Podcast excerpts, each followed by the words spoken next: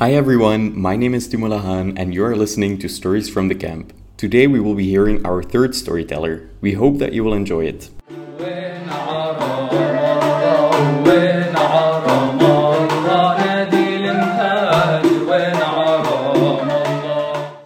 I began taking drugs because I built friendships with bad friends. I met some guys I really should not have met. Previously, I was totally against drugs because I had witnessed someone passing away in front of me and I saw everything he had gone through because of his addiction. But somehow, I met a guy who offered me a cigarette and I took it.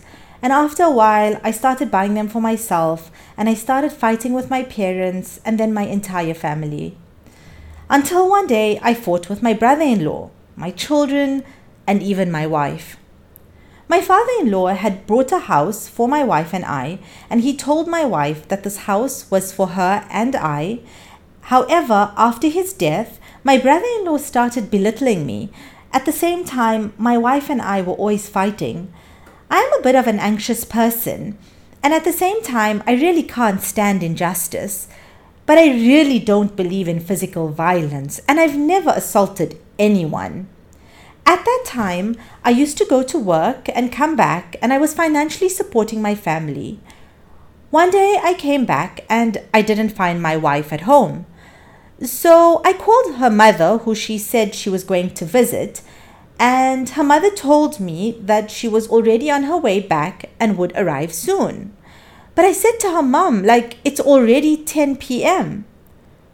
Half an hour later, my wife walked into the house, and I asked her where she had been.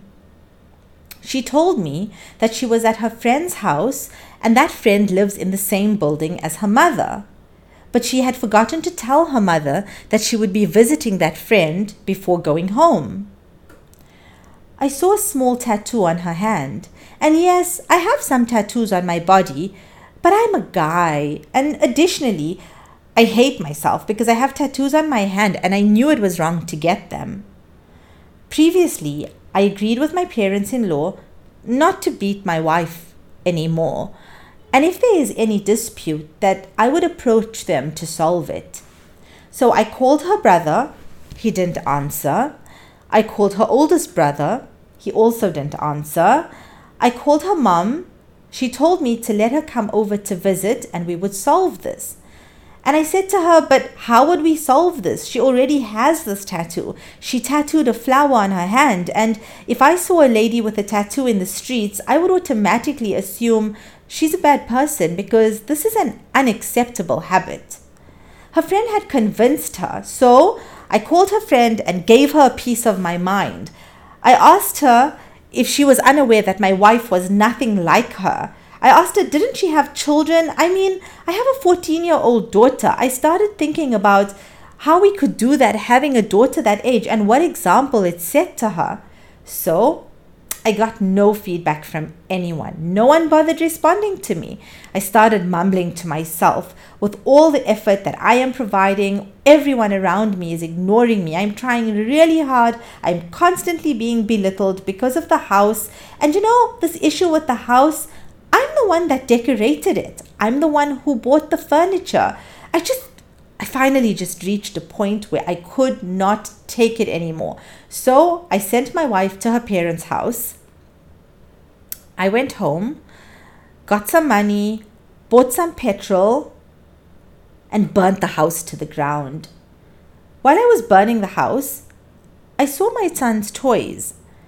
I didn't feel bad for the house, but I felt really sad for my son's toys. Anyway, I burnt the house down, but I was careful. I mean, before I set it alight, I took the gas jar out of the house and I put it in the front garden because I didn't want the neighbors' houses to burn.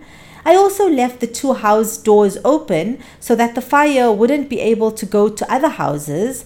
And also, if anyone was coming to put off the fire, they would be able to enter the house easily.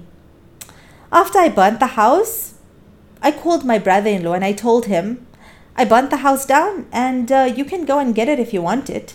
So he sued me and I was imprisoned for a year and a half. I got really tired of sitting in prison because all the cases had been delayed due to the corona pandemic, and so for a year and a half, I was still awaiting trial. I called my brother in law before I went to prison, and he said to me that I should divorce my wife, and then I would be free, and so would she. Uh, but when I contacted my wife, she disagreed and she told me not to divorce her. I'm really fed up. I mean, no one can understand what I've been through in prison. The one thing, though, is that drugs are more available easily in prison than outside. After a year and a half, I was discharged from prison and I decided to start a new life to correct my mistakes. I wanted to gather my family, but my brother in law didn't allow me. He asked his sister to choose whether she wanted her family or me. So I told her to stay with her parents because at this stage I wasn't able to support my family. So I began working and sending them money. One day, I saw my son playing in the street, so I took him for a ride on a motorcycle and I wanted to buy him a toy. And my son looked at me with his sweet, beautiful eyes and he said, Dad, but why did you burn my toys? When I heard him, I realized how wrong I had been. I also realized the meaning of the word dad. I'm telling you the reason of everything that I passed through was because of my anxiety, because of being irritable, and also because of my drug addiction. Thank God I'm a lot better now. If I didn't approach this rehabilitation center to get treatment, I might have turned into a killer or been in prison or even dead. Because when someone reaches the highest point of their depression, he can do anything, especially when he doesn't have support. No one assisted me to start over, but I came to the center thankfully, and now I'm under rehabilitation treatment and I feel much better. Today, my family are well, are well. They come to visit me, and uh, I thank God for this center because I don't know what would have happened to me if I hadn't come to this rehabilitation center. May God protect all of you, Mrs. Wissam, Mrs. Allah, Mr. Abed, and Mr. Nemr. يا ظريف الطول وكيف تقولك رايح على الغربة وبلادك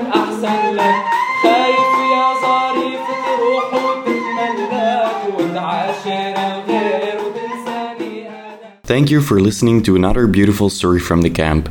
We would like to thank the Kamanjati band for providing us with their music and Ahmed Shahadi for the cover art. We hope that you will join us on the next episode of Stories from the Camp.